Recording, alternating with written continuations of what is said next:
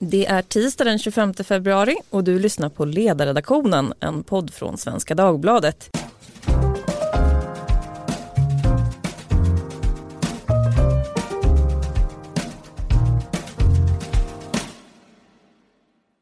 Jag heter Lydia Wåhlsten och idag ska vi tala om den svenska förläggaren Guy Minai.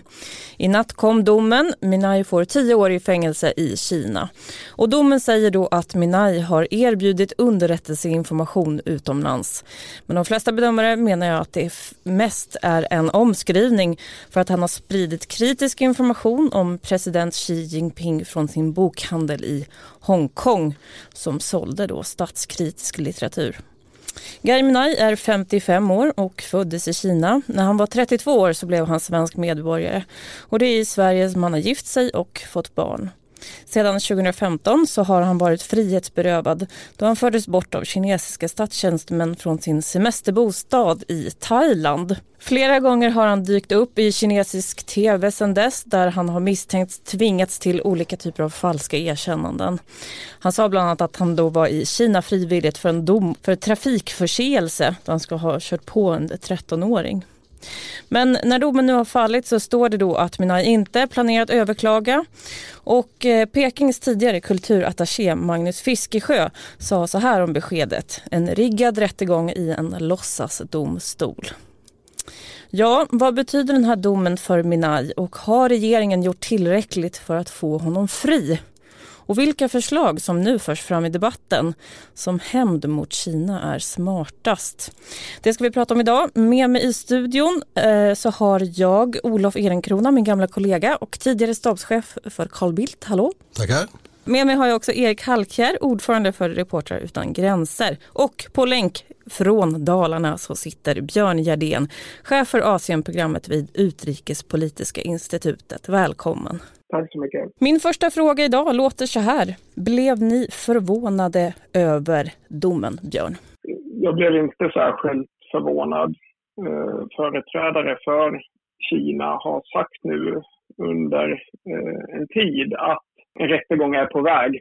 Att den kom just nu var såklart inget man kunde ha förväntat sig, men att det skulle komma en rättegång och att domen skulle vara ett längre fängelsestraff tycker jag inte är speciellt förvånande. Mm. Erik, vad säger du? Det är klart att jag blev förvånad just idag då som Björn är inne på, men eh, ja, en dom har ju varit på gång. Eh, sen är det klart, det har gått fyra år så man undrar om det skulle ha skett i, ja, idag eller om fyra år till. Mm. Olle? Nej. Varför? Nej, alltså mina illusioner när det gäller den, den kinesiska regimen under Xi Jinping har ju försvunnit sedan länge. Mm. Han har blivit känd för att vara hårdare än tidigare. Han är en mycket brutal kommunistisk diktator med den största kontrollen över Kina sedan Mao. Jag tänkte att vi måste ändå gå in då på det här med Gaiminai. Jag antar att de flesta inte känner till alla detaljer. Men för att få en, en, snabb genomgång, Erik, har du möjlighet att berätta för våra lyssnare vad det egentligen handlar om det här? Ja, alltså det beror på var man börjar. Du har nämnt hans tidiga historia, att han kom till Sverige och eh, bosatte sig här och sen åkte, reste han tillbaka till, eh, till och öppnade bokförlag och eh, bokaffär i Hongkong och blev bortförd 2015 från eh, sin bostad i Pattaya. Så dröjde det ungefär tre, fyra månader tror jag så dök han upp och han var ju borta och ingen visste var han var. Så dök han upp på kinesisk stats-tv och eh, där då gjorde det vad som ansågs vara liksom ett spontant, framställdes som ett spontant erkännande. Eh, där han liksom, ja, erkände något påhittat brott som då skulle ha handlat om att han hade delat med sig av något statshemligheter, sekretessbelagd information. Um, och sen gjorde han, har ju fått tvingas till olika framträdanden i tv och eh, så vi drar lite parallellt där så dök ju då den nya kinesiska ambassadören upp i Sverige sommaren 2017 och med det så inleddes det också en hel del attacker på svenska medier i Sverige som hängde ihop med den här rapporteringen om Gui Minhai. Eh, och, eh, och på det så kom ju också den här andra parallella skandalen eller rättsfallet med Anna Lindstedt och Sveriges ambassadör som träffade kineser på ett hotell i Sheraton, eller på hotell Sheraton i Stockholm och någon slags förhandling om att få Gui Minhai fri.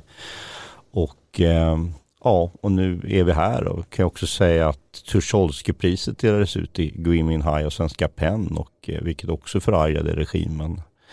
Så det är väl i korthet Eh, men det finns mycket att säga också om Xi Jinping parallellt med detta, hans strategi där Gui Minhai är en, en, liksom en schackpjäs. Olof, om vi stannar upp lite där med Anna Lindstedt folk är ju tveksamma till om regeringen faktiskt inte kände till de här mötena som ägde rum. Om de skulle ha känt till dem, skulle inte det kunna vara skäl för att den kinesiska regimen blir hårdare mot Sverige? Ja, det, det ifrågasätter jag. Nu ska ju sägas att vi har ju en rättegång på, på väg och vi får ju se vad som kommer fram under den här rättegången. Jag vill inte spekulera i eh, om regeringen har gjort tillräckligt eller vad den har gjort, som, om den kunde gjort något annorlunda. Eh, jag tycker det viktiga är att vi faktiskt själva eh, på allvar nu eh, resonerar med oss själva om vad är det för regim vi har att göra med. Vad är det för land eh, eh, som vi Eh, ska umgås med internationellt och bilateralt. Eh, och eh, det är egentligen det viktigaste just nu. Idag så har ju ehm, regeringen kallat upp Kinas ambassadör till UD igen får man säga. Han kom ju hit 2017 och han har kallats upp över 40 gånger på grund av de här attackerna som Erik pratar om på journalister. Nu vill Vänsterpartiet och Kristdemokraterna och även Sverigedemokraterna skicka ut honom vad eh, tycker ni om det där? Björn, vore det en smart idé att skicka ut ambassadören? Ja, det kravet att eh, skicka ut honom, det kom redan i höstas egentligen. Eh, och det är ju tre partier som står bakom det. Eh, jag tror inte det är speciellt realistiskt helt enkelt, om det inte är så att eh, eh situationen förändras drastiskt. Och eh, det är också viktigt att notera att Moderaterna hittills inte har stött det här kravet. Och jag tror inte heller att de kommer att stödja kravet. Så, så jag tror liksom inte att det blir en... Ja, det blir, det blir ingen fråga heller där en samlad opposition kommer att pressa regeringen, eh, som jag ser det. Vad säger Erik och Olof? Vore det rimligt att, att ändå avfärda ambassadören? Det verkar inte som att eh, så många andra diplomatiska samtal har fungerat så här långt. Om man ska utvisa en ambassadör så ska det vara för att han har gjort något olämpligt på svensk mark eh, flyktingspionage och sånt. Eh, I det här fallet så har han eh, haft en massa olämpliga uttalanden men det faller liksom inom ramen för yttrandefrihetsgrundlagen så det får han säga. Det är framförallt ett kinesiskt problem om man har ett beläte som chef för sin beskickning i Stockholm. Det är ju ingen som tar den här ambassadören på allvar, vare sig civilsamhället eller offentligt. Eh, och det är klart att vill kineserna ha en, en, en, en död docka i, i, i, på ambassaden i Stockholm så, så ja, det är upp till dem tycker jag. Jag, jag tycker inte att vi ska eh, ta det här till intäkt för att utvisa honom utan eh, han är här och han demonstrerar i sig kinesens brutali, kinesiska regimens brutalitet och arrogans och hur man utan några som helst betänkligheter bryter mot det som är svenska kärnvärden. De begär att vi ska respektera deras kärnvärden men våra kärnvärden bryr de sig överhuvudtaget inte om och det, det är den kinesiska ambassadören en symbol för. På sitt sätt så är det bra att vi får se hur det, hur det är nu med, med regimen i Peking. Men om vi skulle utvisa honom, tror du att det skulle ändå ha en effekt på den kinesiska eh, regimen? Inte det minsta. Det är, det är ju mm. som du säger, alltså det, vad skulle det tjäna för syfte egentligen? Jag tycker hittills har den här ambassadören liksom gjort att svenska folket har fått en mer negativ bild av Kina som kanske dessutom är en mer realistisk bild av Kina, hur problematiskt det är. Så att eh, jag är ju, tycker att det är en eh, oerhört förkastligt. Det han håller på med att attackera svenska journalister och medier och påverkar är en stor risk. Där svenska publicister riskerar att hamna i en situation där man är rädd för man publicerar. Jag hoppas att det inte kommer att gå så långt. Eh, utan att man snarare använder den här ambassadören hans helt liksom vansinniga uppträdande till att visa vilket samhälle Kina är och vilken regim det är som sitter vid makten i Kina. Men frågan är ju då ändå hur Sverige ska svara på den här domen som har kommit nu. Ser ni någonting som, som skulle kunna fungera som ligger i verktygslådan? Björn? Det som regeringen säger att man gör är att söka internationellt eh, stöd för Sveriges linje här. Eh, främst inom EU men även på andra håll. Frågan är väl exakt vilken typ av stöd man söker och nu när den här domen har kommit, om man vill ha en annan typ av stöd och om man söker liksom ett mer handlingskraftigt stöd eh, än enbart att eh, ledare för allierade länder eh, för fram det här fallet i möten med sina kinesiska motparter. Eh, så regeringen har ju inte varit så konkret hittills när det gäller att beskriva exakt vilken typ av stöd man söker och exakt hur det här stödet kan komma och, och, och hjälpa Sveriges position. Uh, men jag, jag, tror nog att, att det är liksom den linjen man kommer att fortsätta gå på, att, att betona vikten av att uh, Sveriges vänner internationellt står upp bakom Sverige. Eh, vad kan utrikesministern mena när hon säger det då? Ja, det hon kan mena är ju att Eh, och det har hon ju sagt också att, att då ledare för eh, Tyskland, till exempel Frankrike, att de för upp det här fallet eh, när de träffar kinesiska ledare. Eh, och fallet kring Gui Minhai har ju blivit en fråga på EU-nivå också. Och eh, eh, företrädare för den nya EU-kommissionen har också sagt öppet att man stöder Sveriges linje. Eh, det tycks ju inte ha blivit en fråga där så att säga hela EU går in och lägger sin vikt bakom Sveriges linje och hotar Kina med konsekvenser om det är så att Kina inte ändrar sin linje. Eh, det är inget jag har sett några tecken på utåt sett i alla fall och det skulle ju kunna vara eh, en annan väg även om det såklart inte är säkert att Sverige skulle kunna få ett sådant stöd även om man försökte det. Det är ju också värt att notera, alltså det här är ju en EU-medborgare som har kidnappats och förts till Kina och satts i fängelse och sen dömts. Eh, alltså det ligger i hela EUs intresse att ta tag i det här och jag tycker väl att även om jag tycker att hittills har det, liksom, det har varit möten med ambassadören och nu kallar man möten till EU-ledare.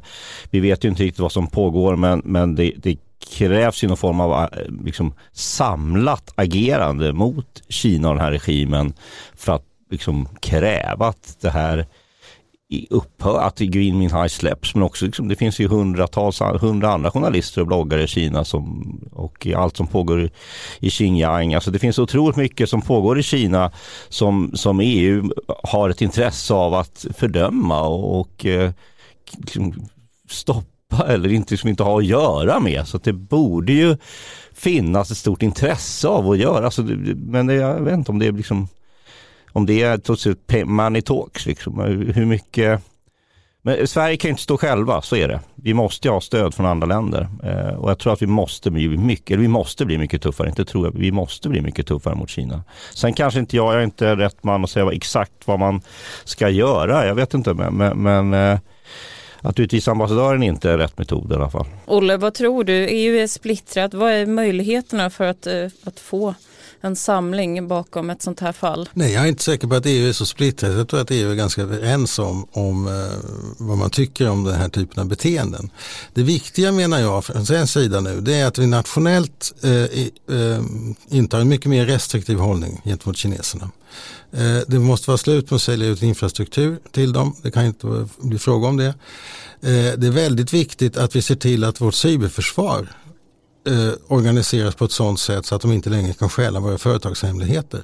Att vi jobbar med företagen och säger att det här är en makt som inte är vänligt sinnad, som inte är beredd att respektera våra kärnintressen. Vi ska veta det när vi gör affärer med dem. Och att riskbilden för medarbetare i de företagen ser annorlunda ut nu än vad den gjorde för några veckor, några månader sedan. Och det här är viktigt att vi stagar upp oss själva i våra relationer med, med Kina. Sen det andra handlar om det internationella stödet och, där, och där är det på det viset att Sverige har ju traditionellt sett varit ett land som har haft en ganska positiv approach till Kina och inte minst i de multilaterala sammanhangen. Då. Eh, här menar jag att eh, även ett litet land som Sverige kan vara ganska problematiskt när det kommer till det multilaterala samarbetet. Kina vill kandidera till olika poster internationellt och de vill, de vill finnas med i den internationella dialogen. Vi kan ha en annan attityd till kinesiska kandidaturer så länge det här fortgår och så länge situationen när det gäller mänskliga rättigheter försämras, vilket den gör. Och då är det precis som du säger, det är inte bara Gui Minhai, det är illa nog, men det är ju också det är ju uigurerna. Det är ju det folkmord som pågår med kvinnliga foster som ingen tar upp. Det är ju traffickingen som uppstår därför att det är ett manligt överskott i Kina. Det finns mycket när man skrapar på ytan som det finns anledning att titta närmare på och ha synpunkter på. Det låter som att du är delvis är inne på vad Aftonbladets politiska chefredaktör Anders Lindberg skriver idag. Ehm, han skrev så här då, om politikerna menar allvar är det inte Kinas ambassadör de ska utvisa utan telekomjätten Huawei. Eh, ligger det någonting i det där med att ekonomi är starkare än politik i relationerna med Kina, Björn? Ja, det är väl klart att både politiska och eh, ekonomiska påtryckningsmedel kan påverka eh, Kina om man gör det på rätt sätt och om man gör det i rätt sammanhang. Ehm, jag tror ju ändå att Sverige i viss mån ändå går i den här lite tuffare riktningen som, som efterlystes tidigare. Eh, även om många såklart efterlyste att man ska göra det mycket tidigare.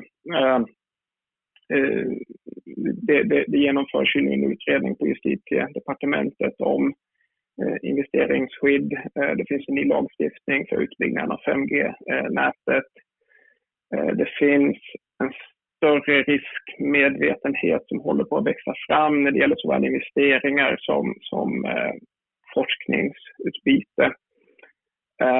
Och, och den skrivelse som regeringen släppte i höstas om Sverige-Kina-politik som också fick stöd från en enad riksdag eh, stakar ju också ut, även om man gör det lite försiktigt, eh, en linje som handlar om att alltid sätta Sveriges intressen främst när det kommer till relationerna eh, med Kina och också implementera en ny lagstiftning vid behov. Så jag tror att, och jag tror det som händer nu med ja, hela den här turbulensen kring Sveriges relationer med Kina och Gui Minhai-affären. Jag tror också det kommer att påverka svenska samhället att gå i en mer restriktiv riktning när det gäller relationerna till Kina. Det är ju så eh, att eh, Gui Minhai det är en fråga om yttrandefrihet och kommunikation. Att då låta kineserna kontrollera vår kommunikationsinfrastruktur är ingen god idé. Eh, vi hade en diskussion på 80-talet om, om vi skulle överföra alla tidningar i, i, i eh, löntagarfondernas ägo. Och det var ingen som tyckte det var en bra idé. Eh, det var ju ändå liksom svenska partners då. Va? Men, men jag menar, det är liksom, om vi bygger upp vår infrastruktur med 5G då, är det inte, då gör vi inte det med Danmark och Norge utan då gör vi det med Kina som i det här fallet nu visar att man har gått tillbaka till ett beteende som mer liknar Mao än någon tidigare ledare efter Mao har gjort. Jag fick ett tips här för några veckor sedan att Kustbevakningen bara använder Huawei-telefoner. Det var någon som ville att jag skulle skriva om det, men nu säger jag det i podden i alla fall. Så det var en sån här sak att det tydde på svensk naivitet. Så att säga. Ja, fast det är ju lite, men lite på det. Alltså man får ju tänka som företagare om man har att göra med Kina. Det är ju det man får tänka på. Vilka man har att göra med. Det är ju inte liksom slipsnissar i kostym som kommer en portfölj och man gör affärer med. Det är ju kinesiska staten som, är ju, som har sagt så här väldigt tydligt, det är ju en kommunistisk diktatur som vi har att göra med. Det är inte några liksom börshajar från Wall Street utan det är, det är några som inte köper mänskliga rättigheter för fem öre. Liksom. Eh, samtidigt så går Volvo väldigt bra. Så vi är också glada för de kinesiska investeringarna och inte minst Afrika är glada för att Kina växer och gör investeringar. Och den här gränsdragningen mellan den fria marknaden och regeringens inblandning känns ju kanske inte heller helt glasklar. Jag tycker att eh, PM Nilsson på Dagens Industri har ju skrivit ganska mycket om det här och också benat ut lite grann en linje som jag i alla fall jag tyckte var ganska rimlig kring hur man ska se på kinesiska investeringar och vad som egentligen är då strategisk infrastruktur infrastruktur och sådär. För allting handlar ju om definitionen. Men hörni, eh, Ulf Kristersson han vill ju ha en kommission, det är ju populärt, för att reda ut vad regeringen egentligen har gjort. Jag har två frågor. Det första är, går det att göra en sån kommission utan att röja hur utrikesdepartementet arbetar? Och det andra är, kommer det leda till någonting framöver? För tanken är ju då att det här ska vara ett underlag som gör att vi undviker att vi får fler Gay framöver. Ja, det, det, går absolut att ha en sån kommission och det är väl kanske till och med lämpligt här eftersom vi då får för första gången så får vi nu en test på den lagstiftning som ingen knappt ens kände till. Eh, Vad är det för lagstiftning? Ja, det är den som då, den här tidigare ambassadören är åtalas under. Eh, och eh, det är ju en, en, det är ju en aspekt på, på det diplomatiska arbetet som är intressant, absolut. Och eh, då, då tycker jag det finns goda skäl att eh, ha en bredare genomlysning. Jag tycker inte heller att man ska vara rädd för att röja hur UD arbetar för att i, i nio fall av tio så är det transparens som gäller och det är vår styrka. Det är skillnad mellan oss och Kina, det är att vi är ganska öppna.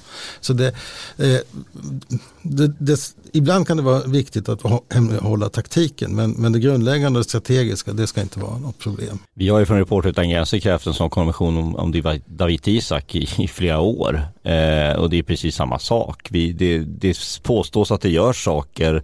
Den nuvarande regeringen påstår att de har en dialog men det hade ju även den förra regeringen, Carl Bildt hade väl också dialog med, med Eritrea så att det, det är väldigt svårt. Jag tycker att det, det, det vore på sin plats att ha en kommission både för David Isak, Gui Minhai och för den delen andra frihetsberövade svenskar ute i världen. Vad görs egentligen för att få dem fria? Mm. Betyder det där att man har gett upp om de här individerna? Nej, det tror jag inte. Jag tror att det körs ett jättejobb på UD för att få de här människorna fria. Det är klart. Men eh, det är ju helt omöjligt. Om man har suttit fyra år frihetsberövad i Kina, 18 år frihetsberövad i Eritrea, då är det ju som, från allmänhetens sida vill man ju veta vad som har gjorts. Det går inte att säga att ah, det är tyst diplomati. Jaha, men vad är det? Vad gör ni rent faktiskt? Det, det är väl så också att, jag menar, vi har på med, håller ju fortfarande på med Wallenberg ja. ärendet. Va? Så att, eh, jag tycker att att hålla på och titta på det, det, det tycker jag är jätteviktigt. Sen så när det gäller Volvo, jag vill ändå säga det att Volvoaffären gjordes i ett annat klimat. Då hade vi en föreställning om att kineserna och kinesiska regimen ändå var på något sätt på rätt väg. Va? Nu har vi fått ett bevis på att det går helt åt skogen åt fel håll. Och det, vi kan ju säga det att vi har haft det med uigurerna också. Det är väl en miljon då, som sitter i, i koncentrationsläger nu i Xinjiang. Det påminner mig om diskussionen kring Erdogan och eh, utvecklingen i Turkiet. Ja, att man får lägga om politiken när, när politiken förändras så att säga. Det är ingen dålig parallell. Ann Linde själv då, hon säger på en presskonferens i Berlin idag att eh, eh, så här sa hon. Tysklands utrikesminister har just uttalat tydligt stöd för det svenska agerandet. Vi har tidigare fått stöd från Angela Merkel och eh, Macron och andra inom EU-kretsen. Jag tycker att eh, eh kritik då inte tyder på, de har inte förstått alla kontakter som vi har haft Folk har varit dumma. De har inte förstått det... extremt ambitiös UD har varit. Det är precis det det är. Alltså det är här låt, alltså, det är, alltså om de bara redovisar lite mer, om man, om nu ska tillsätta en kommission då kan man ju få stöd för detta. För just nu vet vi ju inte, vad hjälper detta? Jag, jag, alltså jag ser inte, så bakgrund, vad, vad ska detta bidra till om det inte händer något liksom praktiskt? Ja. Björn, hur stort nederlag var det för Ann Linde när hon vaknade i morse och såg den här domen? Ja, Ann Linde har ju tagit över den här frågan sedan hon eh, tog över som utrikesminister. Eh, under en större tid än då Gui Minhai suttit fängslad var det ju en annan utrikesminister. Så det vet jag inte hur stort personligt politiskt nederlag det var för henne. Det är klart att det är ett nederlag för, för eh, Sverige. Eh, så är det ju. Det här gör ju att den här frågan blir svårare att lösas. Och domstolen i Ningbo som, som dömde Gui Minhai de gjorde eh, ett intressant uttalande. De sa att han eh, ansökte om att återupprätta sitt kinesiska medborgarskap 2018. Eh, han avsade ju sig det i samband med att han blev svensk medborgare. Och under dagen nu så har Kinas utrikesdepartement gjort ett uttalande att den här ansökan har blivit godkänd. De säger inte när den har blivit godkänd, men att den har blivit godkänd. Så enligt Kina så är Gui Minhai nu kinesisk medborgare. Och Kina godkänner inte dubbla medborgarskap. Så enligt Kina är Gui Minhai enbart kinesisk medborgare. Medan Migrationsverket inte har fått in en ansökan om att Gui Minhai avser och säger sig sitt svenska medborgarskap. Så från ett svenskt perspektiv så är Gui Minhai fortfarande svensk medborgare. Hur påverkar det här möjligheten för Sveriges regering att agera då? Ja, Kina binder ju sig vid masten här. Eh, det ser ju inte ut som det finns så stora förutsättningar för att Kina ska ändra sin position eh, i närtiden. Eh, samtidigt så, så eh, har ju Sverige också en väldigt tydlig eh, position att man trycker på för Gui Minhais frigivning och så vidare. Eh, och, och, det är väldigt svårt också för, för Sverige såklart att det finns inget intresse av att och, och liksom backa från den positionen. Eh, så det ser ut som att de här två positionerna som Sverige och Kina har, att de glider ännu längre bort från varandra samtidigt som frågan kvarstår och är av stor vikt för båda länderna. Eh, så utsikterna framöver ser inte speciellt ljusa ut. Vad är den ljusaste lösningen då, uh, Olle, om vi plockar upp det här på EU-nivå och EU ställer sig bakom och det blir liksom en, en större fråga? Ja, jag tycker man måste se det här på två sätt. Det ena är liksom relationen till Gui Minhai och göra det bästa möjliga för att få honom fri. Uh, det kommer att vara mycket komplicerat. Betyder det att det inte går? Jag säger inte att det inte går men det, jag säger att det är väldigt svårt. Och det, och det beror ju på att det här ytterst handlar om att den store ledaren är ju förelämpad av Gui Minhai. Och det, det är ju det som han Eh, det är ju den hämnden vi, vi ser nu slå ut i full kraft. Men det är ju bara, det är en aspekt på det. Det andra är att även om han skulle, även om eh, han skulle vara kinesisk medborgare idag så var han svensk medborgare och inte kinesisk medborgare när han kidnappades. Och, och folkrättsligt är det ju fullständigt kristallklart vad som gäller då. Den andra frågan den handlar om hur ser vi på Kina som partner?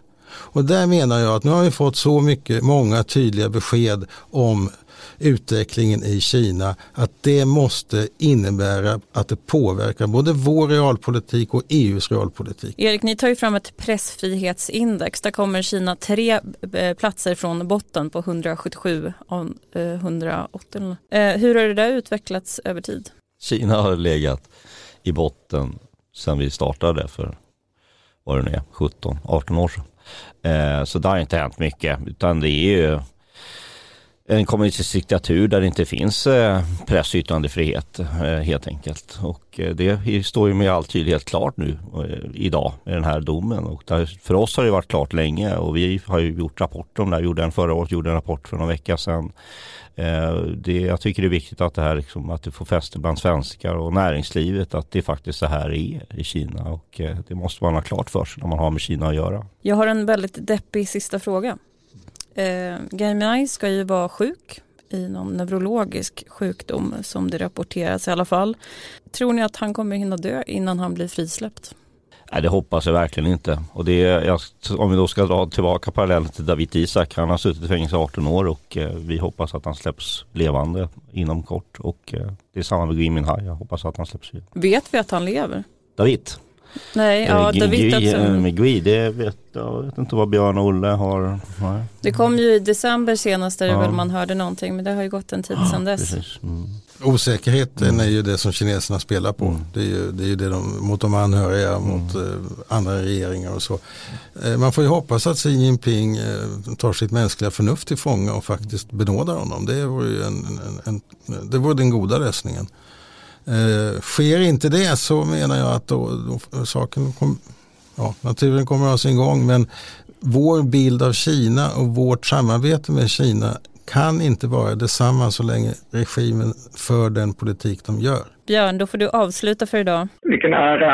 Uh, om man ska se en liten ljusglimt framöver uh, så tycker jag att det är det faktum att det här är ingen stor fråga för de flesta kineser de flesta kineser känner inte till det här fallet. De flesta kineser är inte arga på Sverige. Sverige är inte Japan eller USA. Det är liksom inget land som frambringar starka nationalistiska känslor hos vanliga kineser.